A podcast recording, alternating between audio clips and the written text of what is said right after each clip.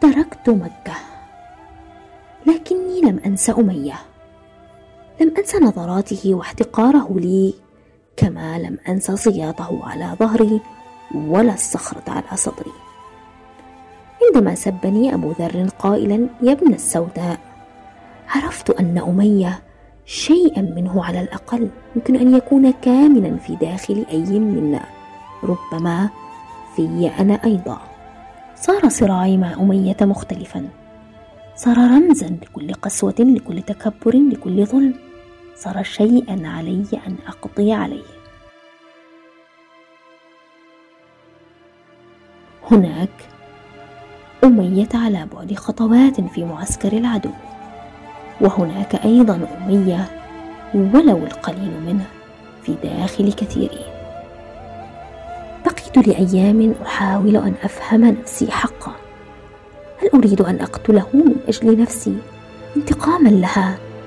أم أريد أن أفعل ذلك من أجل أنه عدو الله؟ لو كنت أريد الانتقام من أمية لأنه ذات يوم آذاني ألا يكون ثمة شيء منه في؟ ألا أكون امرأ فيه جاهلية؟ تصارعت مع نفسي طويلا في هذا. خفت أن أنتقم منه لنفسي. خفت أن يكون أمية الذي في داخلي هو الذي يريد قتل أمية. كانت ثمة معركتان في بدر. معركة بيننا وبينهم بين المؤمنين والمشركين ومعركة أخرى في داخلي. كنت أحارب بسيفي في يدي ولكن في الداخل كانت هناك معركة أخرى. لا تقل ضراوة. بدا واضحا أن النصر سيكون حليفنا عيناي تبحثان عنه بأقصى تركيز؟ وقلبي يدق بشدة. هل يهرب فينجو؟ لا نجوت إن نجا. لا نجوت إن نجا يا بلال. كنت أهمس بها مع نفسي طيلة المعركة. لكن هذه المرة كانت كالصخرة. رأس الكفر أمية. لا نجوت إن نجا لا نجوت إن نجا.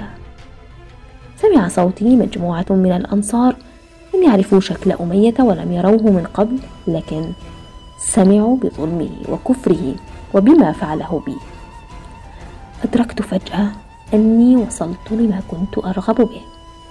كنت أخاف أن أقتل أمية ثأرا لنفسي ولكن ها هم الأنصار دون أن يشعروا بالمعركة التي في داخلي يحلون الأمر يقتلونه بدون أي دافع شخصي. نعم قتلوها. لقد قتلوها. ظل صدى صرخته يتردد ثم سمعت من يقول أحد أحد. فجأة صار كل من في الساحة يصيح أحد أحد.